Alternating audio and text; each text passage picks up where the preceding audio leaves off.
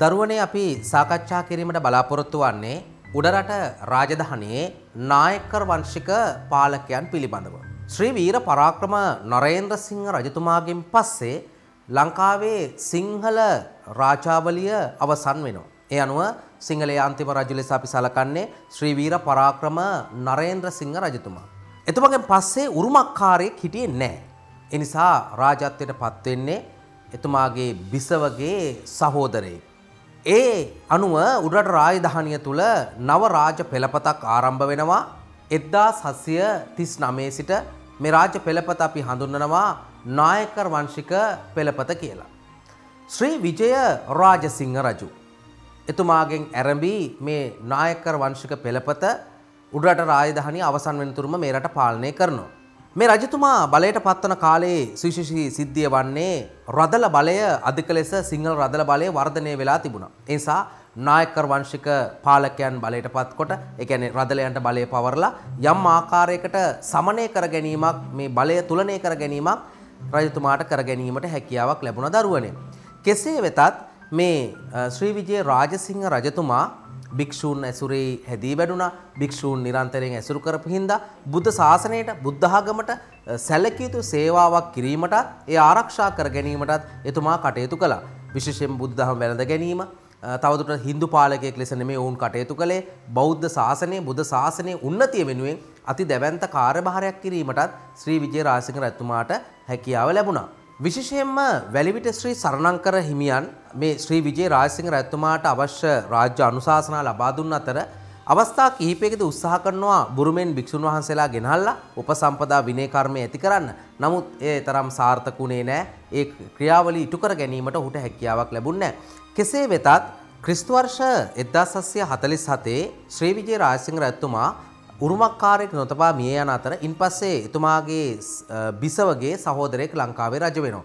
ඒ තමයි කීර්තිසී රාජසිංහ රජතුමා. රජතුමා රජවන විට වයස අවුරුදු 16ක් විතර වුණා. ඒ නිසා පාලන කටයුතු නිසි පරිදි කරන් යන්න බැරි හින්දා එතුමාගේ පියා එන ඒ කියන්නේ නරෙනප්පා තමයි මේ පාලන කටයුතු සිදු කරගෙන ගියේ. කෙසේ වෙතත් භික්ෂුන් ඇසුරේ හැදී වැඩුණා විශේෂයෙන්ම බැලිවිටසි සරණංකර හිම්පාණන්ගේ අවවාද අනුශාසනා නිරන්තරයෙන් මේ කීර්සි රාජසිංහ රජතුමා පිළිපැද්දා. අවසානයේ සංඝරාජ තන්තුට පවා උන්වහන්සේව පත් කරනවා.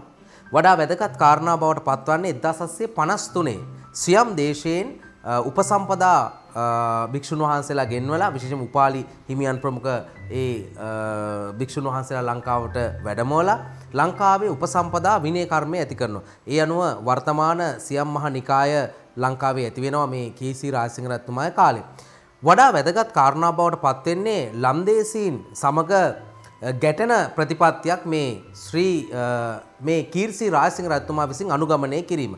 විශේෂයෙන්ම 1766 පමණ වන විට ලම්දේසින් උඩට ආක්‍රමණය කිරීමට තරම් මේ සමත් වුණා.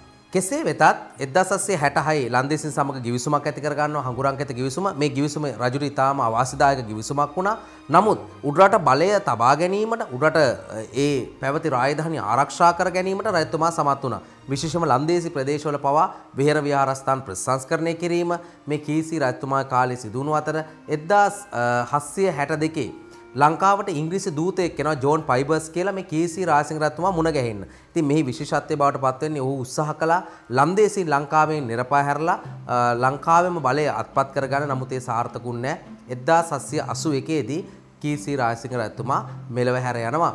ඔහුටත් උරුමකාරයෙක් හිටියේ නෑ රාජත්වයේ බාර දෙන්න. නිසා ඒ බිසවගේ සහෝදරයෙක් රාජාදී රාජසිංහ රජතුමා ලංකාවේ රජ වෙනවා.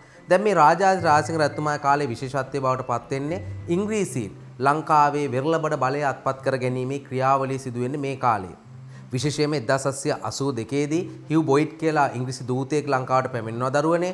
ඒ වගේම 1795 දී රොබර්ට් ඇන්ඩ්‍රූස් කියලා ඉංග්‍රීසි දූතයෙක් ලංකාවට පැමිණෙනවා. කෙසේ වෙතත් 1796 වන විට සම්පූර්ණයෙන්ම වෙරළබඩ බලය ඉංග්‍රීසින් අතර පත් වෙනවා. එදදාසස්සේ අනු අටේදී රාජාදි රායසිංහ රත්තුමා මිය යෑමත් සමඟ රාජ උරුමය සම්බන්ධව ගැටලුවක් මතුවෙනවා. ඒත් උරුමක්කාරයෙක් නොමැතිවීම නිසා. විශේෂයෙන්ම මුත්තුසාමි හා කන්නසාමි කියන කුමාරවරු දෙන්න රාජත්වය සම්බන්ධව ගැටුම් ඇති කරගන්නවා. එහිදී පිළිම තලව්වේ කියන මහාධිකාරම්තුමාගේ මඟ පෙන්වීම ඇතුව උදව් ඇතුව ලංකාවේ කන්නසාමි කුමාරයා රජ වෙනවා ශ්‍රී වික්‍රම රාජසිංහ නමින්. මුතුසාමට රාජත්වයේ පිළිබඳව ඒ උරුමය ලැබෙන්නේ නෑ ඒ හැකියාව ලැබෙන්නේ නෑ. කෙසේ වෙතත් ලංකාවේ අවසන් රජ විදිහට අපි සලකන්නේ ශ්‍රී වික්‍රම රාජසිංහ රැතුමා 1815 දී එතුමා බ්‍රිතාන්‍ය අත්අඩංගුවට පත්වන අතර සමස්ත උඩරටම බ්‍රිතාන්‍ය පාලනයට නතු වෙනවා මේ රැතුමාගේ කාලයේදී.